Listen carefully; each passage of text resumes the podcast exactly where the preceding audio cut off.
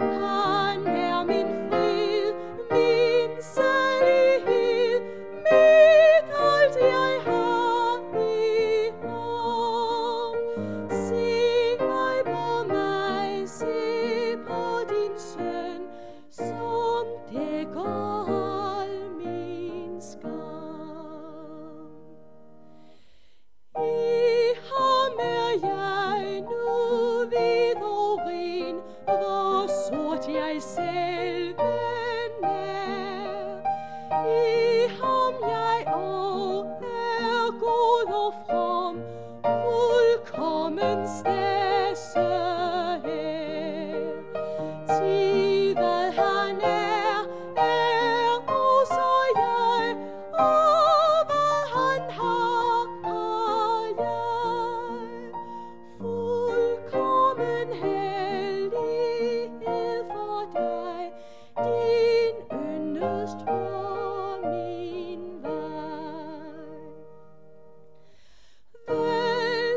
this man.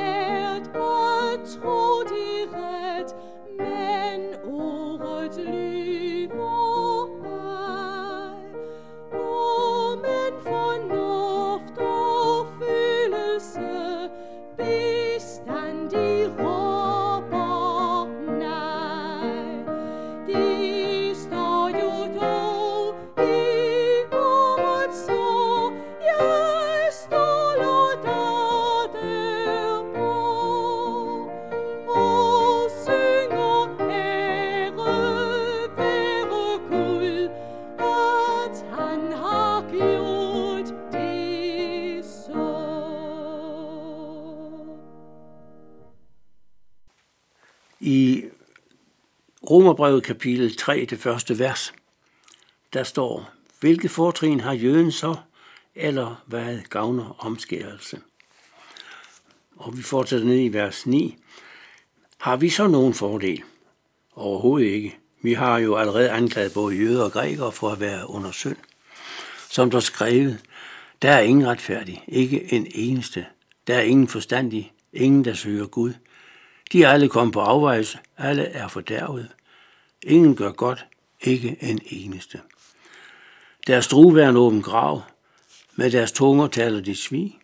Deres slangegift under deres læber, deres mund er fuld af forbandelse og forbedrelse. De er rappe på føren til ugudet blod, vold og ulykke er på deres veje. Fredens vej kender de ikke. Guds frygt har de ikke for øje. Og vi ved, at alt, hvad loven siger, taler den til dem, der er under loven, for en hver mund skal lukkes, og hele verden står skræftskyldig over for Gud. For af lovgærninger bliver intet menneske retfærdig over for ham, der gør over for ham. Det, der kommer ved loven, er jo synds erkendelse. Men nu er Guds retfærdighed åbenbaret uden lov, bevidnet af loven og profeterne.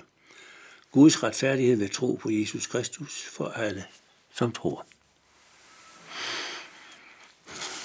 Mange mennesker kan jo ikke lige gå til lægen, når de er syge.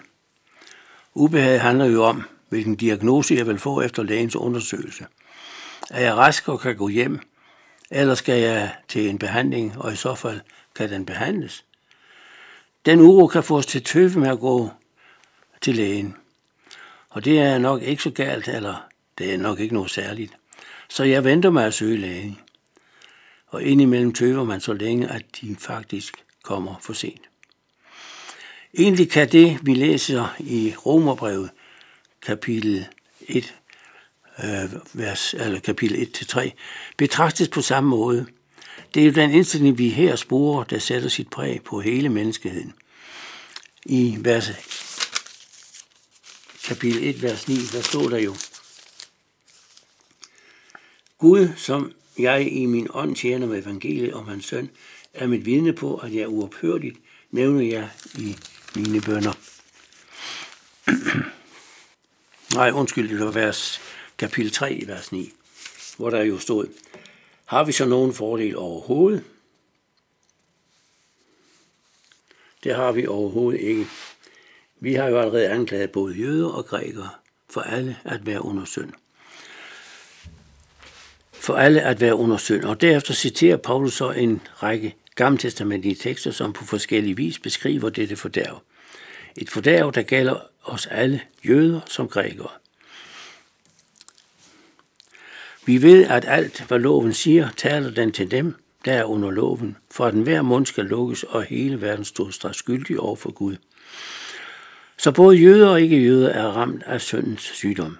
Først efter at dette faktum er blevet klart, mener apostlen, at det er tid til at tale om den medicin, som Gud gennem Kristus har tilbudt os, nemlig Guds frelse for enhver, som tror, både for jøde først og for græker. Og nu får vi at vide, at denne frelse handler om en retfærdighed åbenbaret uden loven, bevidnet af loven og profeterne. Det er nemlig en gave, vi modtager ved tro på Jesus Kristus. Og baggrunden for gaven er, at Gud gjorde hans blod til et sonoffer for troen.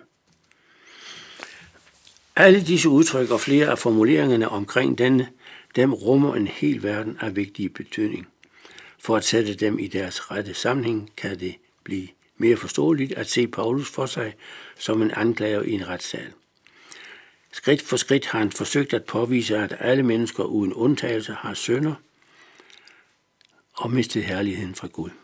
Tiden er altså kommet til at idømme straffen. Men så sker det forunderlige. Paulus lader os forstå, at straffen, som vi sønder har gjort os fortjent til, allerede er blevet ikendt. Ikke os syndere, men ikendt den eneste menneske, der her på jord har levet uden søn, nemlig Guds egen søn. Retssalsbilledet kan være en god hjælp til at forklare de juridiske begreber, som apostlen bruger. Præcis som når en slave frikøbt fra slaveriet og dermed lever i frihed, så taler Paulus om forløsningen i Kristus. En ofte anvendt udlægning af dette er dette, at den, at dommeren idømmer den anklagede en bøde, men så betaler dommeren selv bøden med sine egne penge. Retfærdigheden skal, skulle ske følges, men det er dommeren selv, Gud, som tager straffen. Men en af syndens mest tanke, tankeværdige konsekvenser er, at menneskeheden hverken har æret eller takket Gud for det. Kun de færreste af os mennesker har indset, at vi er syndere.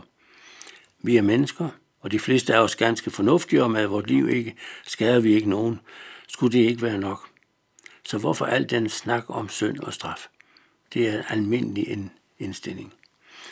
Ja, svaret er, for at det ikke skal gå os, som det rigtige ville være, at vi gik evigt fortabt. For i og med syndefejlet, vores forfædres synd, ulydigheden mod Gud selv, dengang mennesket var sammen med Gud i Edens have, der blev alle vi efterkommere af Adam og Eva søndere. Og da Gud er hellig, kan vi ikke være i nærheden af ham i os selv. Og vi kan ikke selv ændre på den situation. Derfor måtte Gud selv gribe ind for at redde sin skabning. Den skabning, han havde skabt i sit eget billede. Gud straffede sin søn, den eneste, der aldrig havde syndet, med den straf, som vi alle skulle have haft. Derfor som Paulus siger, så handler frelsen ikke om, hvad du og jeg kan udrette for Gud, men om hvad Gud med Jesus Kristus har udrettet for os. Ufortjent gørs vi retfærdige af hans nåde. Amen.